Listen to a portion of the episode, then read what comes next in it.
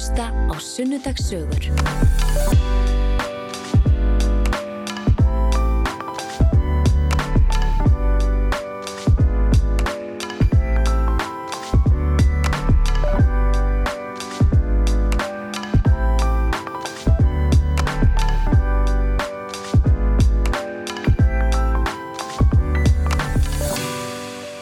Það komi gestur í sunnudasögu dagsins og hann heiti Pétur Már Haldursson og hann er fyrirverandi fórstjóri fyrirtæki sem heitir Nox Medical en er núverandi stjórnarmadur í fyrirtæki sem heitir Nox Health. Velkomin á Rástfö Pétur Már Haldursson. Takk fyrir það. Eh, aðeins bara svona í upphafi svo fólk staðseti sig Nox Medical, það er nú, það er nú svona flestir sem ættu svona aðeins að hafa hýrt af því því að það hérna, tengist stóru vandamáli sem við mörg glými við. Já, Nox Medical er, er áhugavert fyrirtæki. Það sprettur úr fyrirtæki sem sumir mun eftir, eldra fólkmann eftir og hétt Flaga sem var stofnað af Helga Kristbjarnarsinni, hugssjónamanni og entreprenör. En Nox Medical verður til 2006 með það að markmiði að framleiða lækningatæki til að greina svepp og svepptrublanir. Já. Og við getum kannski komið að því síðar en í dag er Nox Health og það er smá hopp yfir í þá sögu orðið uh, það fyrirtæki í heiminum í dag sem að, að, að stjórnar uh, því svolítið í bandaríkjónum að við erum að þjónusta miljónir manna með það að greina uh, meðhöndla og fylgja eftir meðhöndlun á sveptröflunu. Það sem að stórfyrirtæki eru búin að átta sig á því hvað það skiptir miklu máli að starfsmenn þeirra séu að sofa vel á nóttinni og afleiðingunum af því að þeir, ef þeir gera það ekki. Og svo hins vegar erum við að framleiða lækningatæki sem eru notuð út um allan heim. Og, og mér finnst svona gaman að hafa það á bakvið eirað og það, það dregur okkur öll í noks að, að í morgun þá vöknuðu 10.000 manns með lítið tæki á brjóstinu sem að er lækningatæki framleitt á Íslandi sem er notað til þess af helbriði starfsfólki og sérfræðingum að, að greina svefnin þeirra til þess að geta meðhöndlað svefn ef að það er vandamál. Já. Og morgun muni aðrir 10.000 vakna með þetta tæki og svo á, á þriðu daginn aftur aðrir 10.000, þannig að þetta eru þrjár miljónir manna. Mm. Tífalt þýði íslensku þjóðarinnar sem að fær hjálp heilbriði starfsfólk út um allan heim við það að sofa betur og það skiptir okkur máli. Já, og bara, ég menn þessi tæki, þetta eru líka tækin sem við erum að nota á Íslandi. Já, landsbítalinn Háskóla sjúkrahús er, er annast greiningar á svefni og reyndar leknastöðvar nokkrar. Jú, ég, ég held að það sé langstæðistur þeirra greininga sem gerðar eru á svefn vandamálum Mm -hmm. séu gerðar með þeirri tækni sem að NOX framleiðir og, og NOX hefur náð undraverðum árangri og við erum mjög leiðandi, erum 70-80% markastlutdeild á sumum að stæðstu mörguðum Európu. Mm. Og þáttakendur í Kína og Asíu og, og mjög öfluga starfsemi í bandaríkjanum sem væri kannski of langt mál að fara í gegnum hér en kannski komið að því síðar. Já, einmitt. En við skulum spóla alveg tilbaka. Pétur Már Haldursson, þú ert kópásbúi, ert ekki fættur og uppalinn í kópái? Jú, jú. Ég fættu 1966. Uh, reyndar fæðist ég uh, í Reykjavík. Fyrsta ár æfuminnar var ég búsettur held ég á Linkhaganum, já. Já. En ég líti á mig sem kópásbúa. Uh, sonur Haldur Ólastóttur sem er, hérna, ég horfði á svo skemmtilega þátt, uh, Sögur Alex Ferguson sem ég ætla að skora því að horfa á. Hérna, Never Give In Jaha. sem minnir okkur á það hvað það er mikilvægt að því hann er búin að díla við alla þessa fótboltamenn sem að, að hérna, voru svona og svona í hausnum sko, Giggs og, og, og þessa gæja sko Beckham. Já. hann sagði ég náði engum sans í hausin á þeim fyrir þeir áttuðu sig á upprunda sínum. Hverjir þeir eru Já, og hverja manna þeir eru einmitt. og ég resonera svo, ég tengi svo við þetta svo gaman. en mamma mín, eh, hún var kennari fætt á, á, á hérna Lambavatni á Rauðarsandi í fallegustu sveitlansins já. afkomandi Eyjóls Eyjajarl sem að réði ríkjum í, í breyðafyrðinum svona á átjöndu öldjá Mm. Annars vegar og svo pappi minn, hann Haldur Pétursson, hann er, hann er hérna á Skagafyrðinu uh, og, og hérna kokkur á, var á sjó og ég ólst upp í Kópavöginum fór í skátana Digrani skóla fyrst og svo Snæland skóla og naut þess að vera alltaf elst í árgangurinn, í áttara bekk sko var ég elstur og svo Já. í nýjara bekk. Þá, þá var Snæland skóla alltaf að bæta við einum árgangi. Einmitt. Og fór svo í Víkól og síðan í MK og útskrifast það sem, sem student Já. Ertu skáti Já, skáti. Ertu yngstur í... radíóskáti. Já, ok. Yngstur í sískinhófnum eða? ég á þrjár systur Já. já, ég er yngstur. Kolbrún Haldósdóttir sem var nú var þingmaður fyrir vinstri græna og umhverfis ráðherra á tíma, Sigrún Halla er, er næst mér, hún er kennari, kennir frönsku í Vestló og hún Ella, sýstir mín, hún er leikskólakennari í Kópavóinu. Já, já. Eru fóreldrarnir, eru þau látin? Já, þau, uh, mamma kvart okkur 2007, uh, þá mjög snöglega og, og pappi dó tveimur árum síðans Uh -huh. eftir að hafa fengið heila blóðfall og, og glýmdi nú alla sína æfi við mjög alvarlega alvarleg svepp vandamál sem uppgötast reyndar ekki fyrir og sent í hans tilfelli en, en uh, hann fekk heila blóðfall og, og, og, og, og var mjög illa í rauninni fór mjög illa með hann og, og uh, tveimur, þreimur árum síðar þá, neða, fjórum árum síðar, tveimur árum eftir andlót mömmu þá, þá kvatti hann á, Já. á hrafnistu. En hérna, þú verður stúdent úr uh, mennskólum með Kópói sem er einmitt núna, uh, það er ammali held ég, ég held að sé, hvort hann er, ég veit ekki hvað hann er, 50 ára? Eða- Já, þú segir nokkuð. Já, við vinnum þ- 90, nei, fyrir ekki, 86 Mm útgrifast ég, Já, þá tvítugur. Þá man ég að ég hitti 10 ára stúdenta, Já. þannig að það hlýtu þá að vera 76 sem að fyrsti útskriftar árgangur myndi ég halda. þá er það 50. Það gæti verið. Já, við bara Við, skjótum ég býð eftir bóðin í partí en, en ég man hvað rosalega fannst mér gamalt þetta fólk sem að var þarna, 10 ára stúdent.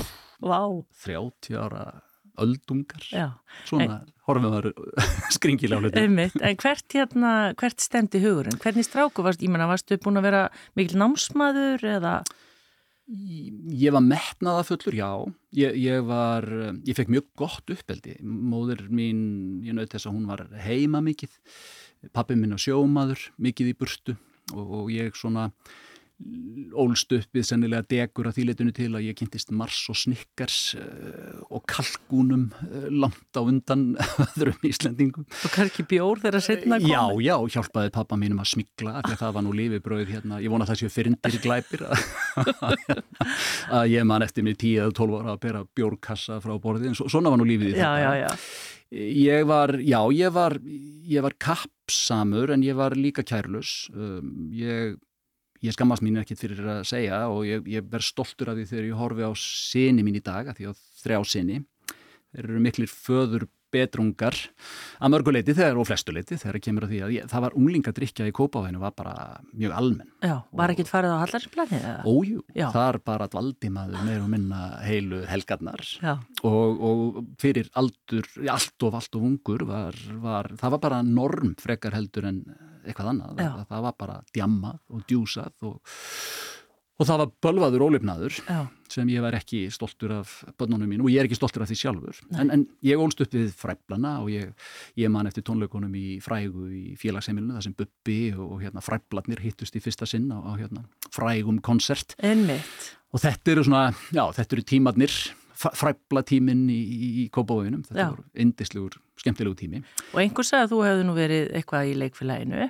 Já, já, ég, já, já, já, ég, já, ég er sennilega meiri extrovert heldur en introvert Já. og, hérna mm, páfugl segja sumir og, og finnst gaman að umgangast fólk og, og hérna ég veit en sennilega ekki að baða mig í sviðsljósinu, það var bara skemmtilegur hópur ofbast, ofbastlega hann segja, kraftmikill að krakka sem að, sem að stóðu þá að leikfélagi Kópós. Það var síning sem ég man eftir sem hétt uh, hérna, Fróði og allir hinnir grislingarnir Einmitt. sem sló rækilega í gegn. Ég man vel eftir henni. Já, Já, þetta er, Ég, ég tók að með söluna, ég, Já, ég, var svo, ég var svo, ég veit ekki hvort ég, var svona, hvort ég var kapitalískur en einhver þurfti að selja þetta dót já, og ég tók að það mér að, að, að nálgast alla leikskóla á höfuborgarsvæðinu og við síndum þetta stykki fyrir fullu húsi fyrst á laugadugum og sunnudugum, svo tvísvar á laugadugum og sunnudugum í fjölda þessar síningur eru held ég 70 síningar sko. já. Þá er líka þegar að ég segi ég man, þú veist, þá er ekki svo mikið um að vera.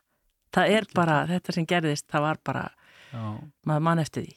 Ég held þetta hafi meira verið það, Rafnildur, að þetta var svo svakalega góð sín. Já, þú meina það. það getur vel verið. En hérna, þannig að þú ert auðvitað eins og kannski þessi tíðarandi þarna, bara partísöldið og, og útskrift úr MK, en hvað? Langaði því í nám áfram eða? Já, ég, ég var reyndar alveg sko á nöðsónu, ég var svo þreyttur eftir stúdensprófið og búin að vinna og vinna og svo kom reyndar skattlösa árið. Já, Þá ákvaði ég að fara að vinna og var þá byrjað að vinna hjá skipallild sambandsins og tók þar við mjög skemmtilegum störfum að, hérna, ég segi nú ekki tala eins og öldungur sko Já. mér finnst ég rosalega ungur og ég er bara 56 eða eitthvað, 7 Já, Ég, ég ólst við það í, sko, ég vann hjá skipadeilsambassins og þá var nú, sko, ég segi stundum að ég fann upp gámaflutningana, sko. Því þá var sigur og kveiti bara flutt í lestum og þá þurfti að skipa þessu upp með göflum og það var ekki, það var ekki gámar, sko. já, Og ég vann í vöruhúsi og mér fannst þetta frábært og það, ég þurfti að, að, að þar var ég svona skipulegja gámaflutningar voru að koma til reyði að setja rúms og, og ég fekk mjög skemmtileg verkefni á þeim tíma. En síðan fór ég í kennara áskólan og ég veit einlega ekki alveg af hverju en kannski er það að fóreldrar okkar mót okkur einhver liti, mamma mín var kennari og mér fannst það mjög áhugavert ég ákvað það að verða, verða kennari þá er það þryggjára námið eða hvað? það er þryggjára námi Já, já. og ég, þar varð ég í rauninni fyrir mesta láni lífsmíns að þar kynnist ég lífsförunnaut mínum og, og konunum minni henni Línu Möggu, Sigurlínu Margreði Magnúsdóttur og hérna og við hefjum saman búskap. Mér fannst mjög gaman í kennu. Já. Ég, það var eðlisfræði og efnafræði og starffræði sem var svona áttuð svolítið hugminn allan. Mm Þóri Rólafsson, rektor skólans þá, var indislegur maður og, og hérna heitlaði mig af, af því og mér fannst ekkert meira spennandi heldur en að, að kenna ungum krökkum um sólkerfið og efnakvörf og eðlisfræði því að það, það er ekkert auðveldara heldur en það að vekja áhuga. Já, fórstu, fórstu þá, eða ertu þá að tala um að þið fenguð að kenna í náminu eða, Það var partur af því, það var Já. svona æfingakensla Já. en uh, eins og ég segi, ég kynnist konu minni og við, við, við hefjum sambúð uh, þarna síðasta árin í kennu og, og ég var búin að ráða mig í vinnu. Ég ætlaði að fara að kenna upp í Breiðholtskóla og var þar að þar að taka við svona já, svona svolítið erfiðu deildinni strákar sem voru þá í rauninni uh, svolítið dropp átt eða voru áttu erfitt með bóknám eflust drengirnir í dag sem eru með ADHD og, og hérna dyslexíu og, og þeir voru í svona það, þar var sér deild fyrir þá sem höfðu í rauninni fallið út úr námi í grunnskóla til þess að reyna að hjálpa þeim að komast inn í, inn í starfsnám og yðingreinar. En svo er nú það þannig að, að hérna, tilvíljanirnar verða og ég heiti mjög góðan vinn minn Guðmund Davíðsson sem að, hérna, var þá að vinna hjá skipadeild sambandsins og hann taldi mér hugkvarp bara í sundlugunum í lögadal í pottinum að ég væri ekki að fara að kenna. Ég væri að koma inn í vinnu hjá skipadeildinni og ætti þar að fara í sölu uh, deildina. Mm. Og þar voru launin einfallega þess eðlis að ég taldi konu minni trúin það að þetta væri mjög góður ástöðuna því að ég eitt eða tvö ár og við getum bara einfallega kipt okkur íbúð. Já, og það varð úr að ég fór að vinna hjá skipadeildinni og, og hérna og ótrúlega lærdómsríkur og skemmtilegu tími. Já, það var sex ára tímabil og, og sömur munna að þú veist þarna fór sambandið á hausinn og þarna skipadeild staðsetjum við okkur í tíma, þetta er þá 90 og uh, þú ert að kenna þá, nei þú ert að vinna þar þá frá hvað, 88 til, þetta er, átt, þetta er 89-90 já, einmitt. 90 og, og skipadeild sambandsins eh, breytist í samskip 91 einmitt, og þar, eh, ég var þarna á undan Óla Óla sko. Já. en kynnist Ólafi Ólafsinni, hann kemur inn í samskip. Ákallega merkilegu maður og, og, og hérna kendi mér margt og, er svona ein af mínum fyrirmyndum í, í því að reka fyrirtæki En hvaðan kom, ég menna, varstu með kunnáttu í svona viðskiptum? Ég menna, þú ert uh, með studentspróf, þú fyrir kennó eða lærður bara af, Nei, ég var ekki með viðskipta bakgrunn, alls Nei. ekki nei, og, og bara til að setja hluti í samhengi að þarna eh, er ég eh, 24-5 ára gamall og hann Baldur Guðnason vinnu minn sem var þá framkvæmda stjóri hann er jafngamall mér og, og, og við réðum Róbert Vessmann Já, sem, er kunnast nú, kannast nú við úr og hefur lift grettistæki og er að gera frábæra hluti með Alvotek já, hann réðum við í innheimtuna fyrst en svo tók hann við deildastjóra starfi í útflutningi. Við vorum, við vorum 24 og 5 ára eh, ég segi í dag smástrákar já, sem, sem stýrðum þessum fyrirtæki Já. fengum svo uh, flotta leiðsögn Ólaf sem kemur inn í þetta setna og, og, og hérna resti sístori en, en þarna var ég sá ég, ég tók þátt í, í samskipum að byggja vörudreifinga miðstöð og fór svona í vöruþróunarverkefni sem var, voru mjög skemmtileg En mér langaði að bæta við mig mentun á því sviði sem sagt viðskipt og hagfræði og ég fór e, skrifa mig inn í Háskóla Íslands í, í hérna mastersnámi í viðskipt og hagfræði. Já. Þetta metið kennaragráðuna mín og bætti við mig reikniskilum og starffræði og svona sitt hverju. þannig að það er þetta MBA-nám sem allir, eða, Það var ekki MBA í þá daga, þetta þetta var þver faglegt nám sem var ekki var Guðrún Pétursdóttur Já. sem síðar fór í fósettarnambóð og þá var fókus á viðskiptafræðina, lögfræðina, með þessi hafréttarfræði og svona sitt hvað og fókusin var sjá var útvegsfræði. Já, já, Og þegar ég er að skrifa masters rítkerðina mína í, í sjávar útversfræðum fyrir SÍF, sem þá var Sölus samband íslenska fiskframleiðanda, Já. þá hérna ekslast það nú þannig að Gunnar Örd sem þá var fórstjóri, hann hérna var í miklum fjárfestingum út í Noregi, að eins og hendi sér veifað að þá hérna er ég allt í hennu komið til Noregs fórstjórin sem þar stýrði ferðinni fyrir síf, hann leta störfum og, og Gunnari fannst það þjóðráð að senda þennan uh, unga strák sem var að skrifa ykkurar rítgerir að láta nú brettu bermar og, og fara dýfa hendi í, hérna, í saltan sjó og fara að gera eitthvað og þar enda ég inn í mjög skemmtilegum tíma. Og hvað er Nóri? Í Tromsu. Já, já. Það, við vorkinum okkur stundum fyrir það hvað skamdegið er erfitt hér á Íslandi en það er, það er grín við lið á, á skamdeginu sem við, við eigum með norður Noregur býr við í Tromsu. Já. Það rakið þrjú sjávarútusfyrirtæki, salta þosk og, og, og hérna, flaka síld og, og hérna, þetta var nú á tímónu fyrir, hérna, þetta var áðurinnar Rúsland í rauninni hrundi og peristróikun og allt saman, Gorbachev fósiti, en það var engi fiskur í Noregi og þetta var mjög töff að reyka þrjú fyrirtæki ef þú ert að reyka sjáva, eða þú ert að reyka fiskvinnslu fyrirtæki, þá er nú gott að eiga ráfni. Og það þurfti ég að sækja til Múrmansk og hitti þá kalla sem voru að reyka þetta ríkisfyrirtæki sem hefur löstur flestir í dag einhverjir ólíkarkar og við þurftum að sækja okkur fisk til Rúslands og það var svona eins og að keirin í bíómynd að keira frá Kirkines sem er landamæra stöðin í Norðunóri, allavega til Múrmansk og semja þar í einhverjum reikviltu bakherbergi við já, nokkus konar mafjósa rúsneska ríkisins sem áttu tógara og veitu þosk en vandamáli við það að það var meira bara smáþoskur sem verkið takt var að gera við og þetta var skemmtilegu tíminn, hann var stuttur, þrjú ár. Varstu einn eða tókstu nei, nei. fjölskylduna með? Já, sko, plani var það að konan mín kemi með, fyrst fór ég einn. Þetta var svona, kannski er það pínlítið ég og konan mín hefur stundum mynd mig á það að segja ég kom heima kvöldi og þá láð þessi ákvörðin fyrir og ég var að fara út daginn eftir. Já og ég fór út uh, raunverulega daginn eftir og með Gunnar Erni og var þá settur inn í þetta starf og ég var einn fyrsta árið. Svo flutti konan mín út og, uh, þá áttum við dreng, hann Magnús Sandra, yngstur. Uh, í Noregi fæðist hann Haldur Gauti sem er nummið tvö í rauðinni, það er 99 og, og síðan fylgir Tómas í kjölfarið sem fættist á Íslandi en við stoppum hann í þrjú ár auðvist eftir að segja að ég hafi haft aðra sín á það hvað þetta var sniðugt eða góð bútikk. Þannig kynntist ég lagseldinu verulega í, í Noregi og hvernig normenn reka sína, sí, sína fiskeldispolítíka því að sífátti reikús rísastórnir í Fraklandi mm. og ég þurfti að fæða það reikús að ráefni og það ráefni var eldislags frá Noregi sem var gjössamlega ónóthæfur til reikingar. Oh. Uh, Anna, við getum gert annan útastátt um þetta. Já, já, já, en, en það minnir okkur svolítið á hvað er að gerast í okkur, okkar lagseldis án sem er hryllingur. Kannski getum við komið að því setna í öðrum þætti En þetta hefur verið bara sko hvað ég var að segja, grunnskóli, metaskóli háskóli, þú veist, þú er bara þetta er ekki einn smá reynsla sem þú lítur að fengi bara á þessum tíma Já, já, hún var hún var það, hún reynslan held ég komi að einhver leiti gegnum verkefnin, ekki síður gegnum fólkið sem að verður á, á vegiðinum og, og þú lærir af þeim, þeim einstaklingum sem er í kringu þig og þarna kynntist ég mörgum snillingum sem að ég held sambandi við enn í dag. En frá Nox lág síðan leiðin, nefnir ekki frá hérna Noregi, lág síðan leiðin yfir í, yfir í skemmtilegt verkefni, ég, ég hérna tókaði mig störf hjá flögu. Já.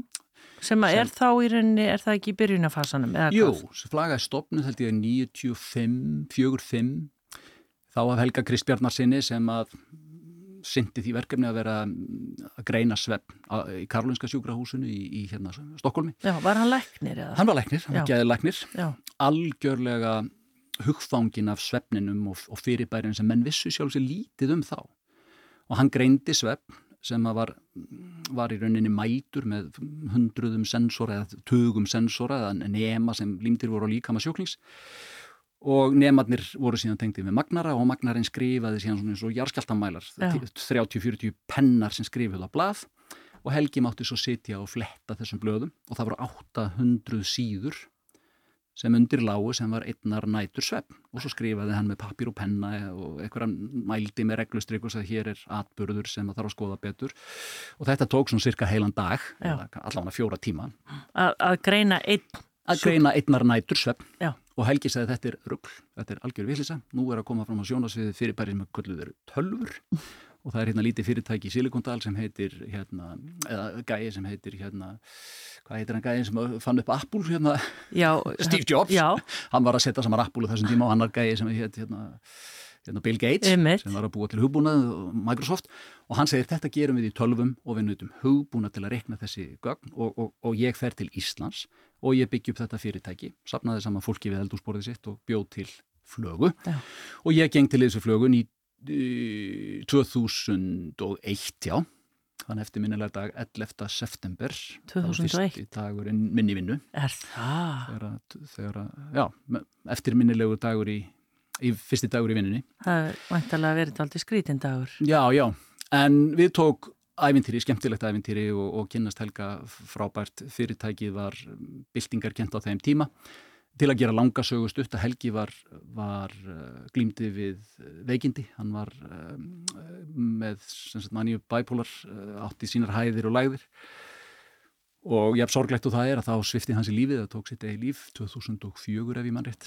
Og fyrirtækið í rauninni það eh, kemst í annara eignarhald, það var skráð á markað og, og eins og hendi sé veifað að þá er það félag undir bandarísku stjórnendateimi í rauninni eh, ljó- ljósin eru slögt á Íslandi og, og hérna Amerikani sem að tók við stjórnarkeflinu, hún fannst þetta alveg ömurlegt að hérna að stunda svona starfsemi sem átti hvergi annars staðar heima heldur en í bandaríkjónum og hann rak allt snjalla fólkið, hugbúnaðar, teimið okkar á einu bretti. Sem að var staðsett hér. Já, já, allt saman. Þetta var 80 manna hera Vá. ótrúlega hæfileika ríku fólki Já. sem að misti vinnuna nánast eh, meiri hlutin svona á einu bretti en, en eftir satt þarna ég sem átt að stýra alþjóðlega hlutanum svo var allt í náttúrulega þjóðveri sem átt að vera menn yfir maður og mér leist ekkit á það. Og hann Sveinbjörn vinnu minn sem ég kynist þarna, Höskuldsson hann leitti í rauninni þróunarteimið uh, og Kolbrún Óttursdóttir konarnas uh, og þegar að flaga í rauninni leggur upp laupana og er flutt úr landi þá er það, þá er það þau hjónin sem að eiginlega slökkva ljósin uh, í sátt og samlendi við þáverandi stjórnendur flögu. Sorgleg saga en engin saga svo sorglega að sé ekki eitthvað ljós að, að það sem þau gerðu var það að þau uh, stopna félag sem hétt Nox Medical með það að markmiði einu að byggja næstu kynnslóð þessara tækni til að höfðu lært að mistökunum og gera hlutina öðruvísi en gera það rétt. Já, en börðust þó líka fyrir því að þetta er því að einhverju leiti áfram Ísland, Íslands. Já, já, já og, og það er heldur betur. Þau í rauninni, eh, þau leiða taka svolítið svona ke- keflið í þessu en, en eh, saman eru hvað hann segja, þeir, þeir sjö einstaklingar sem að í rauninni voru svona hryggjar stikkið í þróunarteimi flögu.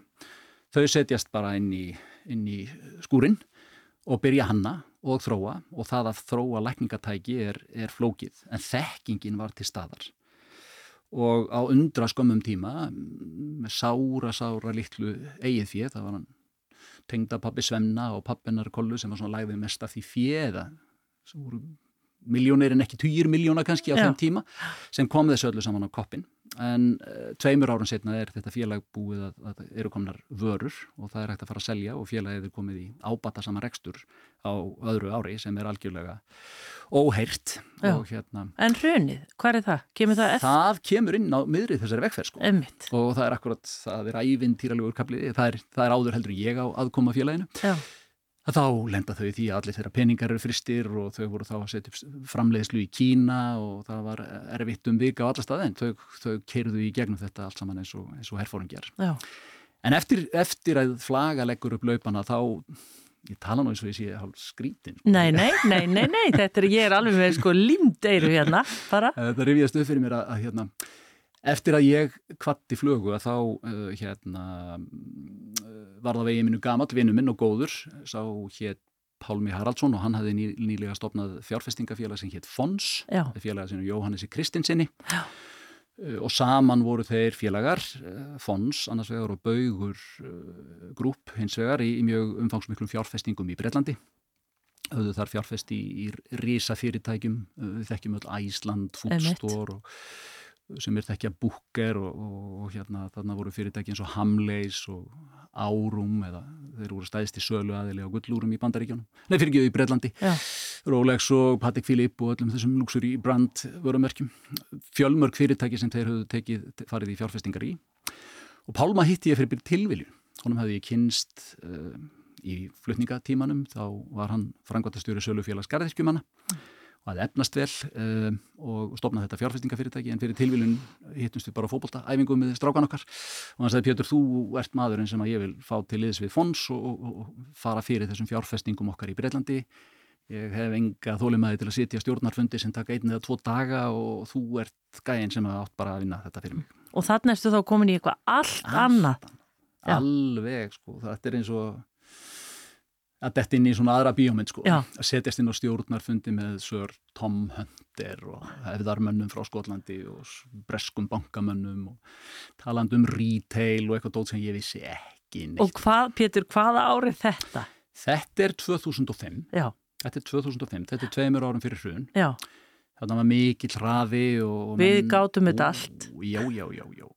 Og, og þú veist, menn, það má margt segja um, um fjárfestingar þessa hóps eða þeirra félaga en, en það verður ekkit eh, það það er alltaf að halda því til haga og það verður ekkit aðeins tekið að, að þær fjárfestingar sem þarna er að eiga sér stað eru eh, eða er enn skrifað um þær sem, sem ábata sömustu og, og snjöllustu fjárfestingar sem áttu sér stað í bresk, bresku viðskiptalifi í, í smásöluverslun á þessum áratug. Emitt og þetta eru kannski eignirnar sem síðar enduðu til að, borga niður æsef reikningin allan sko, sem er, er önnur saga og, og efni í næsta þátt sko. En, en var þetta skemmtið? Þetta er þetta stór. skemmtilegt?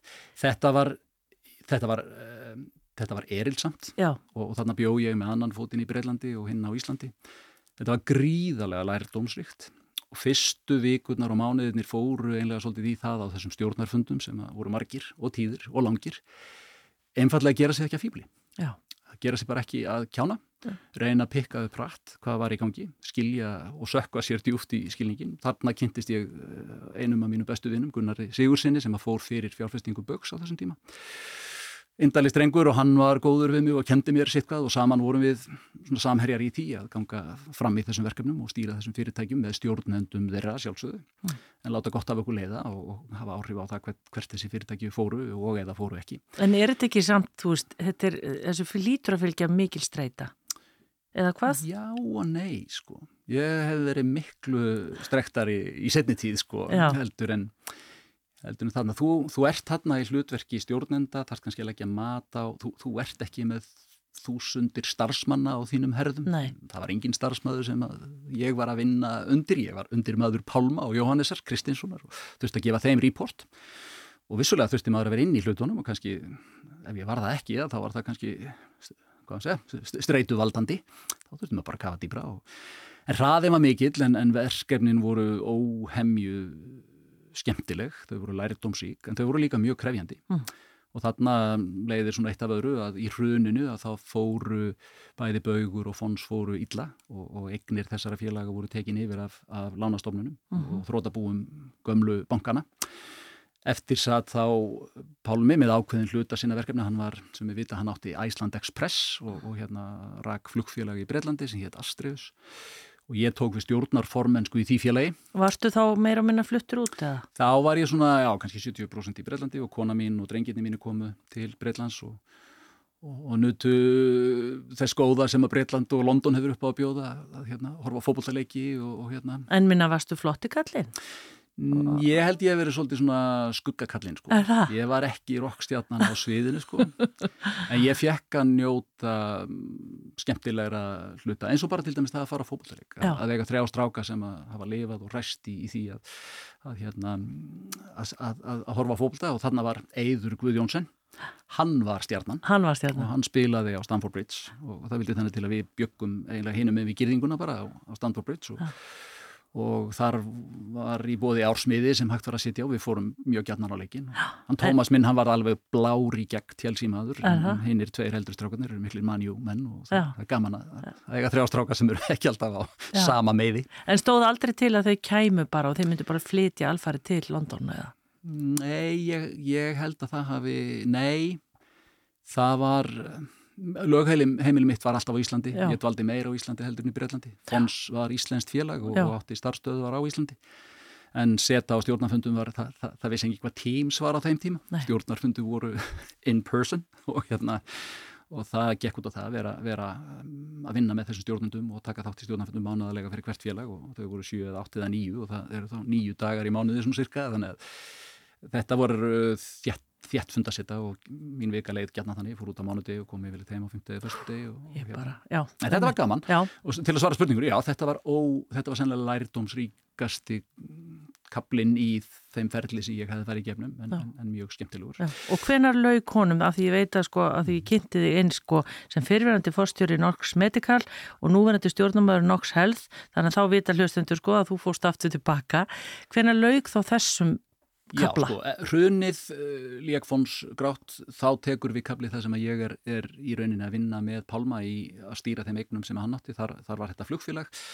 Mjög skemmtilegu tími þá, þá það var flugfélag sem var með að reyka flugvélar nánast í öllum heimshornum. Uh, stór hluti míns tíma fór í það að vera í Ghana það sem ég Ég var nánast í innheimtu hlutverki sem stjórnarformaði félagsins að, að semja við þáverandi varafosseta þjóðarinnar um það að þeir borguðu reikningin sem var oft snúið en, en hérna, hann var nú reyndar fosseti og, og okkur var það ágætt til vinna á þessum tíma og þar var ég að reka sem, sem stjórnarformaður uh, Astreus, hétt flugfélagið.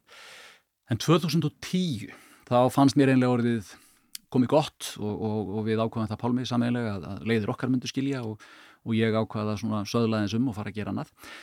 Og þá verkast það nú bara þannig eins og tilvíljarindar í lífinu að ég vissi svo sem mæta vel hvað hans Sveinbjörn, vinnur minn og Kolbrún og þau krakkarnir í Nox voru að gera ég hafði sjálfur uh, í rauninni þegar að flaga lagði upp laupana þá svona fer hugvitið í tvær áttir. Annars vegar er það Sveinbjörn og Kolbrún sem byggja upp Nox Medical.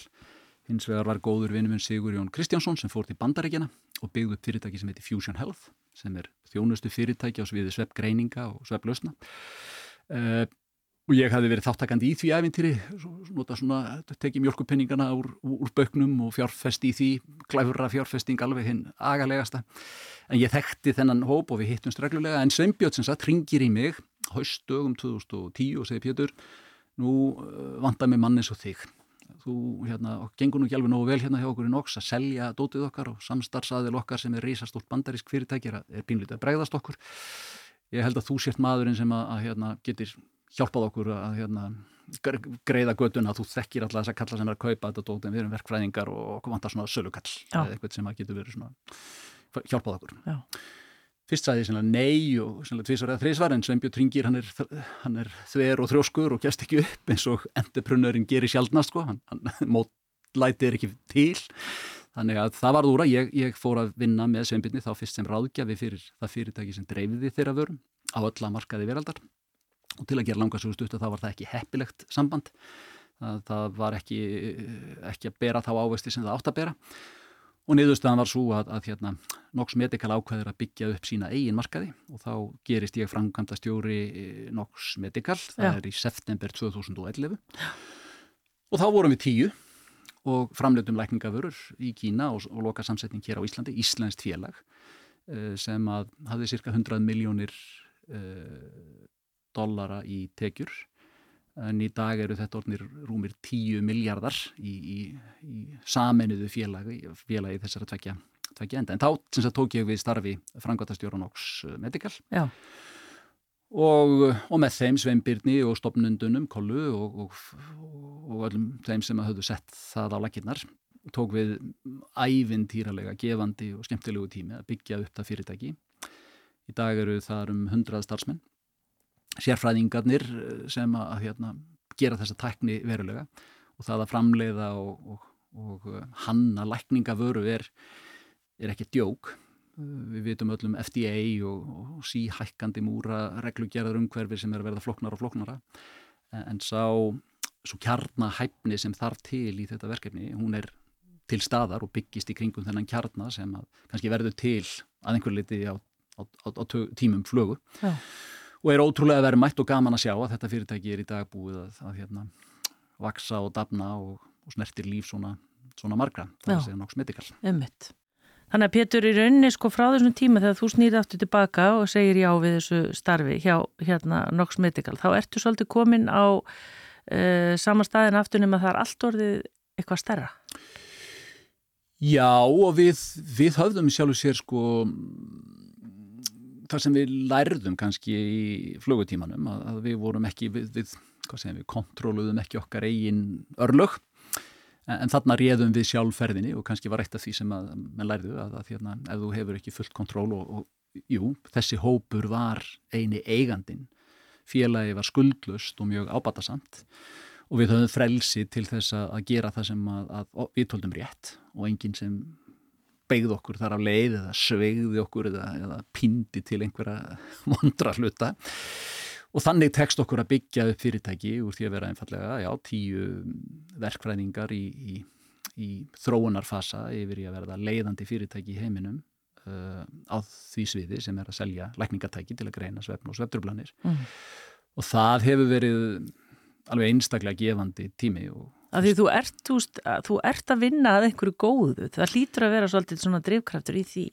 Ég heldur betur, uh, Vi, við vitum það öll og það tekki hvað, það, það hvert einasta mannsbarn að, að eiga ónýta nótt eða vera sveflaus og í talna gummi í, í, í langan tíma, fer ítla með okkur. Og, og það fer ekki bara ítla með okkur þar að segja að okkur líði ítla og við finnst, okkur finnst við vera utan við okkur og ekki til neittna hlut þetta nýtsamlega og eins og við séum bara hreinlega hálf timbruð sko. Svefleysi er, er líðaninn að langvarandi svefleysi er einlega svist bara að drepast úr þingu. Já, og það sem er sko meira að, eins og við nefndum hérna áðan að þetta var aft tengt við sko miðaldra, feitlagna, kalla, við erum að tala um allt nýri bara börn, þau getur verið að glýma við, við þessar svefntröflanir. Já, já, já, það er sko fyrirbærið eh, kæfisvefn eða öndunar tengdar svefntröflanir er, er óþægt í læknisfræði fram til 1982 eða 3. Það, það er þá fyrst, það er 82, ég er að verða tvítugur. Þegar að fyrsti maðurinn er með, á jörðinni, er meðhöndlaður við því sem heitir öndunar tengdar svepptrublanir eða sleep apnea, það sem við þýðum að kallast kæfisvefn. Og, og meðferðin í rauninni gengur út á það að það er, já, öll, öll þetta vandamálið er, er þessi aðlis að öndunar vegur viðkomandi hann lokast. Uh, partur af því er bara þingdar grunn lögum á leðlisveðin, það er þingdaræfli jarðar tógar massan inn að miðjunni og þegar við líkjum á bakinu þá sígur tungan og, og, og hérna vefir aftur og ef andunarvegurinn lokast þá hættir súreifnarflæðin í lungun og það líkur þá í hlutanisæli að súreifnismettunin í líkamannum hún fellur. Og það, það getur ekki við, verið viðvarandi. Þannig að þá æpa frumöðnar í líkamannum og segja hei það vantar súreifni og heilin sem vill vera í djúpsvefni eða draumsvefni að því að það er svo ofbóðslega nöðsynlegt að því að það er með að vaksa og það er verið að þrýfa og henda út öllu skolpinu og líkamannum og prósessera hugsanleitnir okkar og allt þetta. Nei, nei, frumurnar fá forgang, það er verið að fá súrefni og heilin þarf að rýfa sig upp úr þessum góða svefni, upp í uh, léttari svefn og við vöknum án þess að vakna og svefnin hann rofnar. Já. Og fyrir vikið að þá, þá, jú, viðkomandi það, það ykst vöðva tónus í líkamannum og viðkomandi byrjir að anda upp á nýtt en hlutinni fara aftur í sama sækula, það lokast aftur og þannig líður nóttin hjá hefðbundnum kæfisveppsjúklingi. Og það er ekki bara gamall kall, uh, miðaldra gamall feitur kall, það, það er alveg rétt, það eru, það er mennir að gefa því mm, gaum að, að, að þetta vandamál er ekkit síður að hrjá konur, öðruvísi þó en, en, en öndunar hlýðin kannski ekki jafn djúb eða löng en áhrifin eru þau sömu. Brotinsvepp er vondur og hann í dag er að menni geta diskutera það að, að ómeðhöndlaðar svepptrublanir yfir langan tíma hafa mjög neikvæð áhrif á heilsu fólk. Þau, það eigur líkurnar á hækkuðum blóðþrýstingi, það eigur líkurnar stórkostlega á hjart- og kransaðavandamálum, það hækkar líkur á heila blóðfalli verulega Sikursíki 2, metabólismin og allt sem að, að hérna, tengist uh, fæðu intökunni líka minn æpir á orgu meira fæði og þá förum við að fytna. Þannig að áhrifin af ómeðhandluðum svepturblunum eru vond og, og það vita lækna vísindin í dag að, að við viljum ekki að þetta sé viðvarandi. Það er skadlegt Já. og þess vegna þarf að meðhandla vandamálið. Fyrst að greina það, síðan að meðhandla og viðhalda fólki í meðferðinni. Já, við ætlum að tala eins betur um þetta eftir vegna þess. Við erum komin til ársins 2020, Pétur Már Haldarsson. Það er daldið stórt ár í þínu lífi. Hvað var Já. þar bara heilsuna þína? Já, þá fór ég að smá, fá smá á bögin, þá fór ég að, þá fór ég að sapna um gulum spjöldum.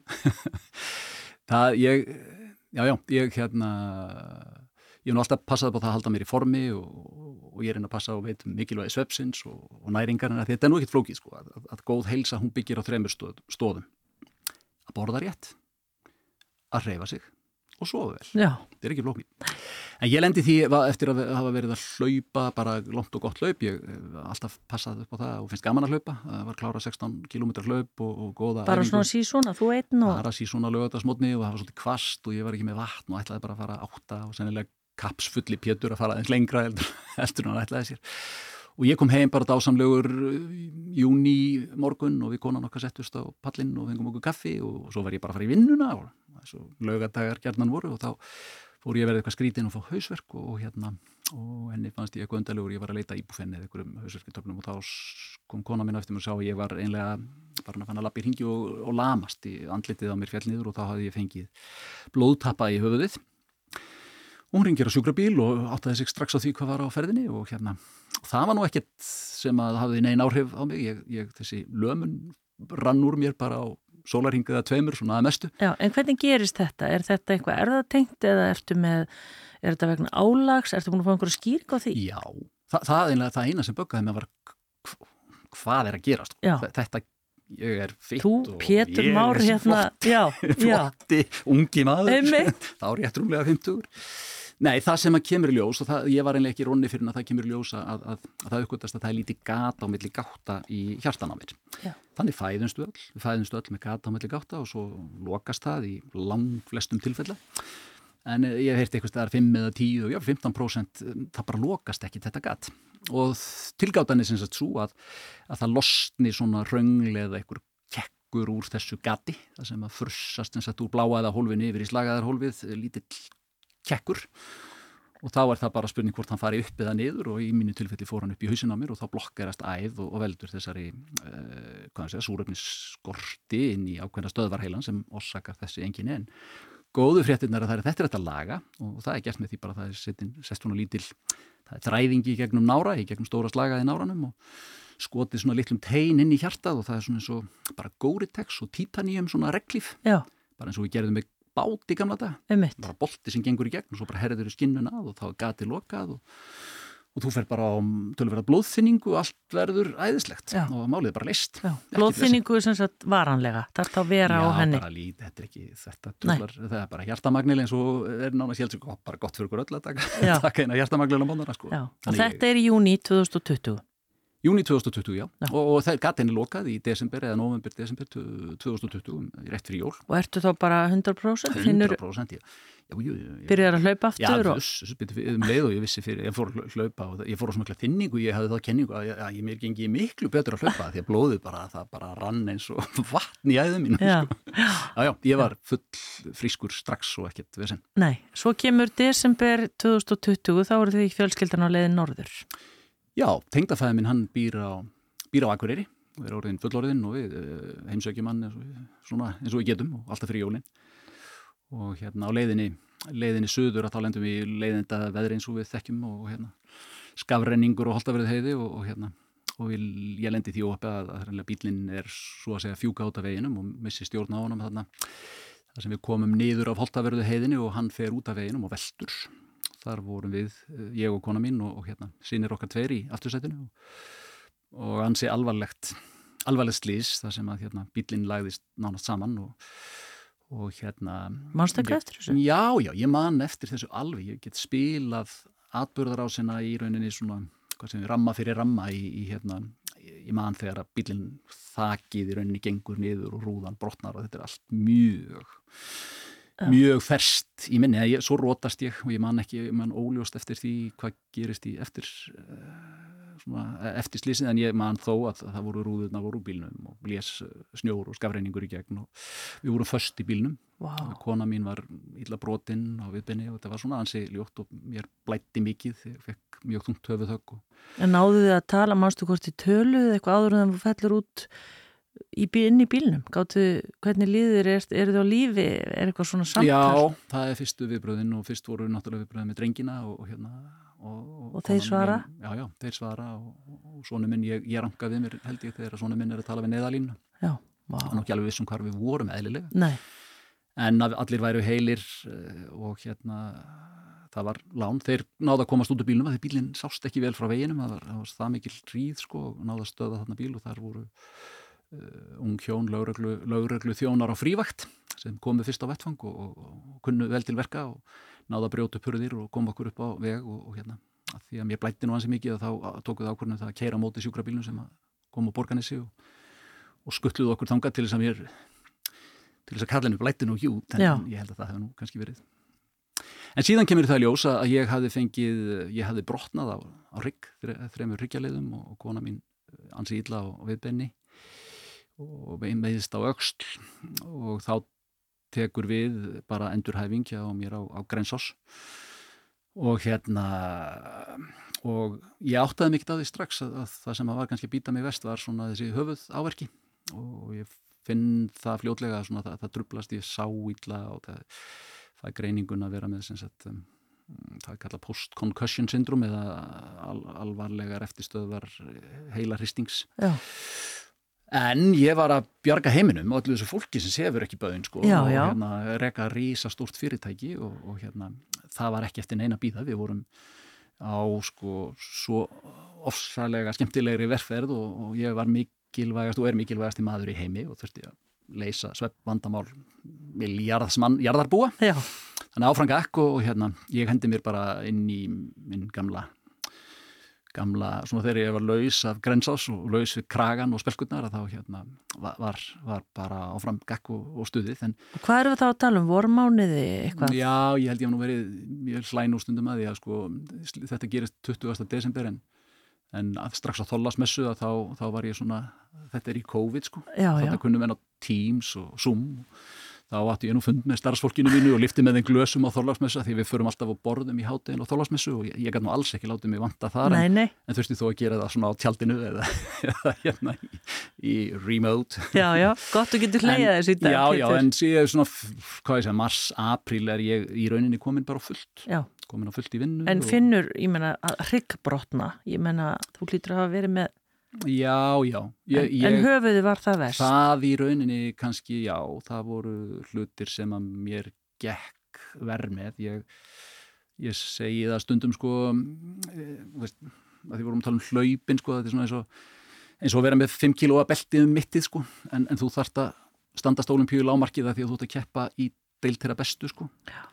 Og þú verður bara að halda hraðan og þú að bara æfa meira og ég var lengur af öllu, ég, ég, það vöðust fyrir mér innföld verkefni sem að léku í höndunum á mér áður að það var einhvern veginn þingra Já. þreita gerði vart og En varst ég- ég afnetum, Pétur? Já, já, já, Sagður einhver frá nei, þessu? nei, nei, nei, nei. Öruglega ekki, nei, ég held Jú, setna, því því þetta er það tekur í rauninni við svona svolítið þegar svefnin, svefnin fór líka, það fara að magnast upp áhyggjur, það fara, fara að skjóta upp svona kollinum einhverju hluti sem ég hef ekki tekt áður, svona kvíði og, og verkefna bunkin bara stækkaði en hann mingaði ekki Nei. það, það, það, og þá fer maður bara íta hlutum og undan sér og það er aldrei gott sko Nei, ég, já, ég held að ég hafi reynd að bara loka breyði yfir blinda augað og, og láta eins og ekkert vera að gerast sko. en, Já. og svo hafði ég náttúrulega líka og ég má ekki glemma því, alltaf fólk sem vann alltaf, ég, ég er ekki Nox-kallinn, Nei. það er Nox er saman safn af snillingum, hundrað einstaklingum sem tóku svolítið slagan að einhver leiti En þetta heldur að fólki í kringuðu hafi ekki átt að segja á þessu að hérna, Pétur var ekki alveg á sömu orkunni hann var áður eða hvað? Eða varstu svona, þú mútla leik, leiklistinn sterkinn. Ég gat ábyggilega að feika það feitt sko. Jú, jú, minnir nánustu samstagsmenn þeir skildu vel og áttu orðaði og við rætum það opinskátt og, og í raunin þegar þú komin á þann stað að þetta er svefnin er orðin skrítinn og, og brotinn. Að þá svo sem op, opinberaði ég það að þetta var nú ekki alveg eins og þetta átt að vera en ekkert engin einbann bilbug á okkur að finna. Nei, svo sama- gerist, já, á á sama, sama tíma erum við að keira alveg ótrúlega skemmtilega vegferða því að NOx þú ég sagði frá því að hérna, NOx Medical sprettur upp úr flögu á sama tíma 2005 sprettur upp annað félag sem hétt Fusion Health rekið á honu Sigurjóni Já. 2019 þá ákveðum við að samina þessi fyrirtæki tvö og, og verða alvöru afl í því að meðhöndla eh, greina meðhöndla og þjónusta þá sem er að glíma við svetrublanir í bandaríkjunum komum kannski aðeins að því og það er. Nox Health. Það, því skellum við saman sem Nox Health Já. og við vorum í rauninni tiltöla nýbúin að saminni það og vorum að keira um, ákala stort fjármögnunarverkefni. Vorum þar að fá laða til liðs við okkur uh, mjög stóran fjárfestingarsjóð sem heitir Vestar Capital Partners í, í bandaríkjónum sem ég langar að segja það aðeins frá ættir Já, endilega. Það var mjög margt umleikis og mikil streyta og hérna og, og gríðarlega spennandi tímar og engin afslattur, það mátti hverki slá af og, og það þurfti að halda feysinu. En, en í ágúst 2022 sem sagt tveimur árum eh, tæpum, einu og hálfu ár eftir, eftir þetta slýðis þá, þá í rauninni var eh, við burðar ykkur dagur, þá var ég bara var í vinnuna og var sveflaus og kerið strákjum inn í skólan og lendi svo í smá aftan á kesslu og ég man ekki neitt eftir því við áttu okkur að fundi með fólkinu mínu á skurstofunni á, á held ég 50. smotni 25. ágúst og stendar upp frá stól og þau skipuðu mér að fara heim og ég held nú ekki, þetta veri stórum mikil dagur og ég ætlaði bara að fara út og fá mér fest loft en, en þá svona einlega líði ég út af og hrein bara eins og lurkur, bara eins og spýta í gólfið og eins og örendur og það er ekki klæðandi að þessu, það er, það er ansi ég missi þar meðvendund og, og þar er hafinn endur lífgun og ég fer upp á spítala og hérna steinrótast man ekkert eftir þessum atvikum nema óljóstum kvöldið. Það er svona það sem að kipir mér sennilega aðeins niður á jörðina segja sennilega var ég búin að fá tvö gul eða þrjú og, og, og þá svona endur er þetta svolítið endur tekið efni allt þetta höfuð vesen og og hérna já, höfuð vesen og, og höfuð kvalir, þetta kemur bara aftur af svolítið meiri hraða. Það er ekki gott náttúrulega að skella í bara eins og lurkur Nei. í gólfið Nei, ekki. og höfuðið. Nei, það var ekki alveg. Nei, en er það, ertu þá færðu aðsvif eða er þetta eins konar hjartáfa eða þú veist, hvað er, hvað, já, hvað ég, gerist? Já, nú er ég ekki læknir, sko. Nei, la, líka með bara segir stopp. Já, ég held það. Ég held að, að semst það er búið að gangu skuggum það að hjartað fór ekki í stopp. Ég fekk ekki hjarta áfall þó svo það hafi verið greining þeirra sem komu rætt á vettvang að, hérna, að það væri hjartastopp en þá er óvist að svo hafi verið en, en sennilega er það bara kerfið svo fullkomið að það segir ekki vera fíbl Nei, Pétur Már Haldarsson stoppaðu. Hér er komið nóg, við neytum að taka þátt í þessu bulli. Ég, ég veit það ekki en, en hérna ég, það er einhver diagnósa eða einhver lækniskóði sem að einhver talar um vakuskerfi og vakustögur ég kann ekki það það eftir. Ég held að þetta sé bara þannig. Hvað gerist þá, Pétur Már? Þá er ég nú svona aftur umvafinn ást og umhyggju minnar nánustu og minnar elskulegu eiginkonu sem að svona segir hérna mér að slakkan, slakkan á og allir gerðu það. Ég stýg til hliðar og fer út úr þessu damlega, daglega amstri og er ekki að skála við fólki mitt í, í hérna Teams og í rauninni tekur við mínu starfi Yngvar Hjálmarsson sem að, að, að hérna, var búin að vinna með mér eh, lengi og, og ég dreg mig til hljés í, í að því er ég mat sjálfur í stuttan tíma en, en þetta gerðist nú hægar heldur en ég vildi og, og mér er ráðlegt að hafa mig hægan og allavega í hálta ár og ég fer, mér er, mér er skipað að fara í hveragerði eins og, eins og ég fullur fordóma sem er bara gamla fólki, það, það er nú bara fyrir gamalt fólk en ekki fyrir mig sko og, og fyrir þá sem að get ekki hægt að reykja eða jafna sig eftir meðamaskipti en, en ekki ég sko en, en ég fór þangað og var þar í fjórar vikur í, í rauninni slökun og, og, og naut þess Já. og hérna þurfti að taka mig á í því að fara svolítið aðra slóður. Sleppa svolítið. Bíluði, já, mikið að sleppa og, og hérna líka að, um, að hérna einlega hugsa öðruvísum hlutina. Uh, svolítið að hugsa inn á við og hérna, hjartenging eflust góð. Já. En á sama tíma vorum við að klára sé, alla, allt samflotið og samstarfi við þessa fjárfesta í bandaríkjun, vestar kapitalpartners og, og ég er svo sem tók þátt í því verkefni, ég er stjórnarformaður í eignarhaldsfélaginu Nox Holding sem er félagið sem að á í dag Nox Health á móti þessum vestar kapitalpartners. En þú ert ekki í þessu daglega aðstöð? Nei, ég steig í rauninni strax út úr því og þar tóku aðrir keflið Já.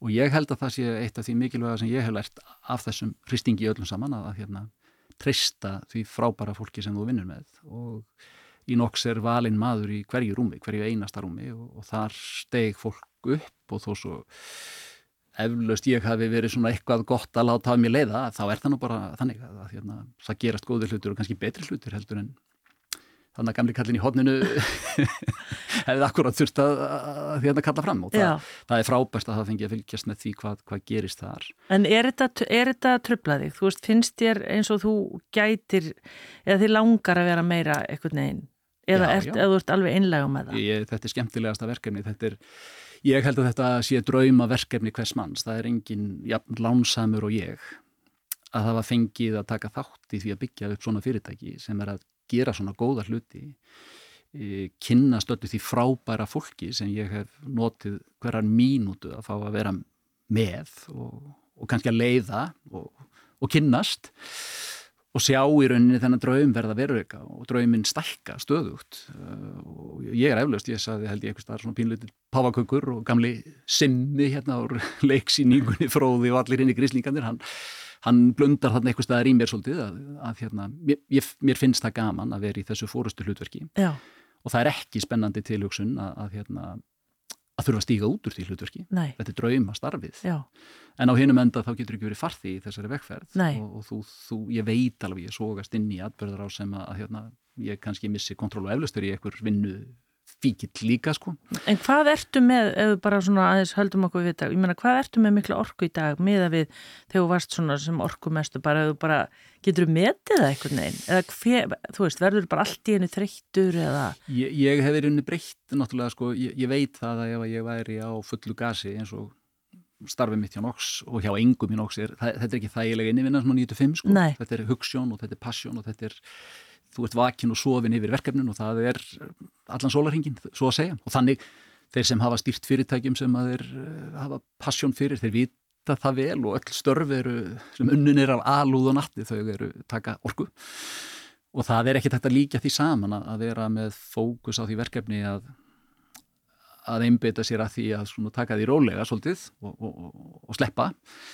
Eh, þú, þú getur ekki meti hver performance sem er í, í hlaupinu með, með 5 kíló að belti með þig um miðjan, þú ert þetta ekki í því hlaupi lengur sko. Að- en jú, ég, ég held að ég segi ég er ekkit, er heima bara að drekka shake úr röri sko. ég, ég er fann að hlaupa og ég hreyfi mig mikið og hérna mér líður vel Já. og ég hérna, hugsa öðruvísi og fórgangsraða hvernig, ég vil fá að vita það, hvernig hugsaður öðru þessi? Já, það er nú mikilvægt og held ég mikilvægast að, að hérna í að vera bara auðmjúkur og þakklátur í rauninni. Ég veit þetta hljómar eins og klísja en bara hver dagur sem að hérna, við fáum er svo mikil svirði og, og hérna eftir að hafa lendi í þessu slísi að, að sinir mínir skildi ekki skadast alvarlega og konan mín skildi sleppa og möttuð og við höfum, stíið lifandi út úr þessu vonda bílslisi er er ótrúlega mikið lán og ef maður er svona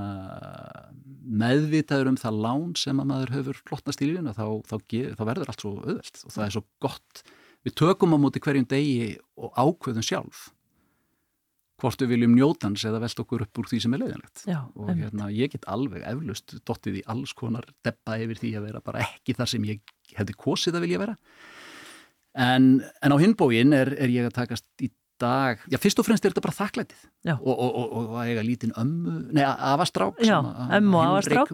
Sem, já, ömmu og afastrák sem er, er æðislegur og getur látið sér hlakka til að hitta hann og, og horfa á fótballaleiki með strákunum sínum og svona fara að gera hlutina þessu öruvísi þá, þá er það, hver dagur er, er einfallega fullur tilhaukunar Já, En á hinum endanum er ég ekki, sko, ég er ekkert farin út í skó bara að labba eða út í, út í á að veiða. Ég er, ég er ennþá uh, og tek við nýju starfi um leið og ég stíg til hliðar sem framkvæmta stjórn Nox Medical að þá stíg ég inn í uh, stjórn Nox Health með ótrúlega skemmtilegu fólki bandaríkjamönnum sem að sitja þar með okkur í stjórn flestir og, og, Hilmar Janusson reyndar Ís, Íslendingurinn og Sigurjón að ég er, ég er eh, ætla að láta gott að mér leiða í því verkefni sem að ég er ennþá á kafi í. Það er að segja að, að hérna, reka áfram Nox Health og Nox Medical uh, eins og ég hef gert og, og það er bara í öðrum á öðrum vettfangi Já. og ég held að það sé Sigurjón Vinnumjón Kristjánsson sem er nú fórstjóri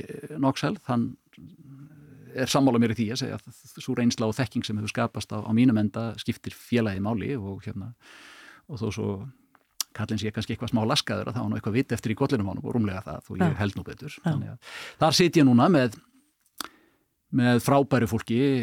Við vorum svo lánsum að, að Vestar Capital Partners koma inn í þetta félag með okkur. Og það er draumurinn, stóri, stóri draumurinn í raunin að verða veruleika að, að miða við alla þá frábæru tækni sem við höfum byggt upp í að byggja þessi lækningatæki og þá starfsemi sem Sigurjón hefur byggt upp í bandaríkjónum sem miðar að því að þjónusta uh, stórfyrirtæki sem eru með hundruð þúsunda manna í vinnu. Uh, notabene þau fyrirtæki vita það að útgjöld til heilbreyðismála snerta þau. þau þau vilja skapa sér samkeppnisforskot með eiga besta health planið í bandaríkjónum og þau skilja að svefnin skiptir ótrúlega miklu máli Þjónustan Ox Health gengur út af það að, að greina, meðhöndla og fylgja eftir meðhöndlun þeirra sem er að glýma við sötröflum. Og í dag erum við að já, þjónusta um rúmlega miljón manna í bandaríkjónum. Við erum núna bara í þessum nánast töluð orðum eða þetta á förstu daginn í síðustu viku erum við að skrifa undir stæðista samning sem þetta fyrirtæki hefur nokkuð tíman skrifað undir við rísastórt tryggingafélag í bandaríkjónum mm -hmm. sem skilur að svo byltingakenda leið sem byggst hefur upp af hugviti og, og hvað hann segja, framsækni þessara sérkennilegu Íslandinga sem hafa leitt hennan vagn hún mun skipta sköpum í því hvernig þeir munu færa heilbreyðistjónustu til allra sinna þegna. Verður þetta kannski þannig í framtíðinni, Pétur, að, að við erum öll bara með svona lítið tæki á nóttborðinu sem við getum svo bara séð, já, hvernig var svefnin og eða, ég meina, maður hugsaður sko, það lítur að vera rí, rosa þróun í því líka. Já, já, og við vitum også sem á náttborðinu en við erum með í úrónum okkar og smartbórnum og þá eru, eru, erum við að sjá alls konar hluti já. sem að eru kannski ekki beint lækningatæki er, það, er, það er skil á milli þess sem er svona í segja, consumer space-inu eða, eða notenda lusnir eins og alkoholúrið okkar. Þú veist um skrefin og þú já. Já. En þessi tæki er ekki notuð í lækningaskyni. Þau, þau er ekki notuð af læknum beint til þess að, að greina vandamála því að þar þarf það að vera innan veggja þess vottaða umhverfis. Við heyrum öllum FDA og, og ströglið sem að alveg tekkingur í gegnum með það að verða FDA vottuð, við erum það. Já. og eigum í rauninni erum þar að leiðandi lækningar tækja framleiðandi og það eru læknar og heilbriðið starfsfólk sem reyða sig á þessi tæki mm -hmm. og það er í rauninni kannski það svið sem við erum að hasla okkur vall á en það er alveg rétt hjá þér að svo tækni og það hugvit og þekking sem byggst hefur upp í kringum þennan kjarna, þennan íslenska kjarna það er ekkert fyrirbæri í heiminu sem er jafn leiðandi í því að kynna til sögunar nýjar lusnir, nýjar aðferðir sem engan óraði fyrir að hægt værið að nýta til þess nákvæmlega að mónitora svepp til dæmis að horfa á öndun og skilja betur svepp og þar eigum við tækni sem við höfum varið með kæfti og klóm og patentir að það tækni sem er búið að reyna að stela af okkur nokkur sinnum og við höfum lendið í málaferlum og lappað inn í svona þryggja ára málaferli og svona erum eins og í bandarískri bíómynd sko. Meiri heldur en gullhamrar eins og hérna dómsmálið er núna í gangi, það er bara lítið með það? Já, já, ég þekki það máli ekki alveg en Nei. ég veit að sko við, við þar löpuðum við inn í domsal með 40 eða 30 hérna kviðdómendur sem eruðu 15 og 5 dagar réttarhöld sem kostuðu fleiri hundruð miljónir króna en, en glæpa mennirnir sem vildu stela öllu steini léttar úr okkar fjársjóða kistu þeir fengu magleg málagjöld og vondukallarnir töpuð og Góliat, þetta var bara Davids og Góliat en, en svo tækni sem þar hefur orðið til og svo framtíð sem við getum séð í því hvernig til að mynda öndun og öndunar nefnar geta sagt okkur meira um svefn er að nýta þá tækni betur í því að skilja svefnin að því öndun er eitt sveppgæðin okkur eru annað Já. og venjan er svo að þegar við viljum rumvurlega sjá hvað, hvernig sveppnin okkar haga sér þá þurfum við að setja elektróður og flókin fyrir bæra á höfuði. Þá kannski sefur ekki alveg eins og þú ert vanur. Nei, en ef við getum nú bara lítið hatt svona einlega litla tegju um brjóstið aðra um fyndina og það segð okkur allt sem að hægt er að sjá í gegnum floknustu mælingar sem gera þær á sjúkrahúsi og mannstu það var 800 blaðsýður af pappir Já. en þegar við blöndum þessu inn í rísastór gagnasöfn allt það þýði miljóna manna sem við höfum gögn um og getum beisla þessa tækni og hort síðan fram á við og sagt hverju getur þetta skilað og hvað getur þetta sagt okkur um það hverjir eiga að fá svona meðferð eða hins einn meðferðina eða hvort það sé vandamálið ekki ja. og hvernig fólki reyðir af. Það mun verða grundvallar breyting á þessu og þar er kjarnin í þekkingar sviði NOX að búa yfir þessu gríðarlega gagnasafni og endanlega djúbri þekkingu á lækningatekninni og ekki síður unga fólki sem að kann að beisla gerfigreindina og blanda saman þessum þáttum þar verður til sannleikur Þa, En er, er tækið í dag bara svo ég seti mig aðeins inn í það er það, er það alltaf einhvern veginn að minka og verða aðgengilegra? Sko lækningatækið sem við framleiðum til að greina vandamálið, það er orðið pínu pínu lítið. Pínu lítið. Í gamla daga þurfti að setja fólkin á sjúkrahús og tengja við tugi sensora og það voru výrar sem kepluðu fólk mm. við rúmið og engin leið að gera svona mælingu öðruvísi heldur inn á sjúkrahúsi. Í dag er þetta gert með því að fólki fær lítið tækið svona svo spilast okkur á brjóstið Já. og það mælir það sem þarf að mæla heilaritt og vöðvaritt og taugaritt og langur listimerkja sem ja. læknirinn þarf svo að vinna úr og tækið runni með sjálfverkir greiningu og gerfikreindar algrímum skilar lækninum á augnabliki, Já. þeim upplýsingum sem hann þarf til að taka ákvörðun sé nú um kæfisöfnaræða þá þarf viðkomandi að fá uh, tæki sem meðhandlar vandamáli það tæki framleiðum við ekki svo vilja blastustæki eða sípapp mm -hmm. sem er þess aðeins að það er sett gríma yfir nef og eða nef og munn og það er haldið í ákveðum loftristingi í öndunarveg sjóklisis e, það hljómar ekki vel sko nei, nei. það hljómar ekki sko, sexy að vera með grímu á nefinu en kjarninni sá að þeir sem eruð að glíma við þetta vandamál og fá löst sinna vandamál í langflestum tilfellum þá tekur við bara nýtt dagur, nýtt líf já. þú er alltaf orgu til að gera hluti sem þú hefur ekki gert þú, þú, þú sérð e, eitt góður maður að ég sé lífið í lit og, og það kannski hljómar bara vel sko já. en síðan tekum við það að þetta er já, þetta er harkalega aðgerð að blása lofti inn í fólk á nóttinni við sögum tröflumst ef það kottin er aðeins og harður sko. já, já. og þar kemur þekking okkar fólks í bandaríkjónum, Nox Health að það er svona nánast eins og það þarf enga þjálfara til að halda fólki í meðhundlinni og það er uh, um hundrað manna teimi sérfræðinga í bandaríkjónum sem að sjáum það að meðhundla þúsundir manna sem eru á svona meðferð tækin þeirra sem þau eru með á náttborðinu og blása lofti í öndunavegin þau skila gögnum inn í skíjalösnir okkar. Og ef eitthvað fyrir úrskiðis að þá kvikna ljós á rafnildi sem er ekki að vinna vinnuna sína í nótt og á að vera að gera eitthvað annað í meðferðinni og þá er okkar fólk í beinu sambandi við þetta fólk. Og þannig náum við í Nox Health að tryggja það að meðhöndlun vandamálsins hún er uh, henn er viðhaldið. Við, við, við fólk, þetta er eins og að fara í ræktina og þetta hættir í ræktina, þetta er svo ókistlega leðilegt en þú færð incentives að því og það er haldið í hendina þér að tryggja það að þú sérst uh, uh, compliant eða þú haldir þína meðferð að því það skiptir því svo miklu máli. Já. þú vilt ekki enda á hjartadildinu og þú vilt vera fitt og flott og, og hérna.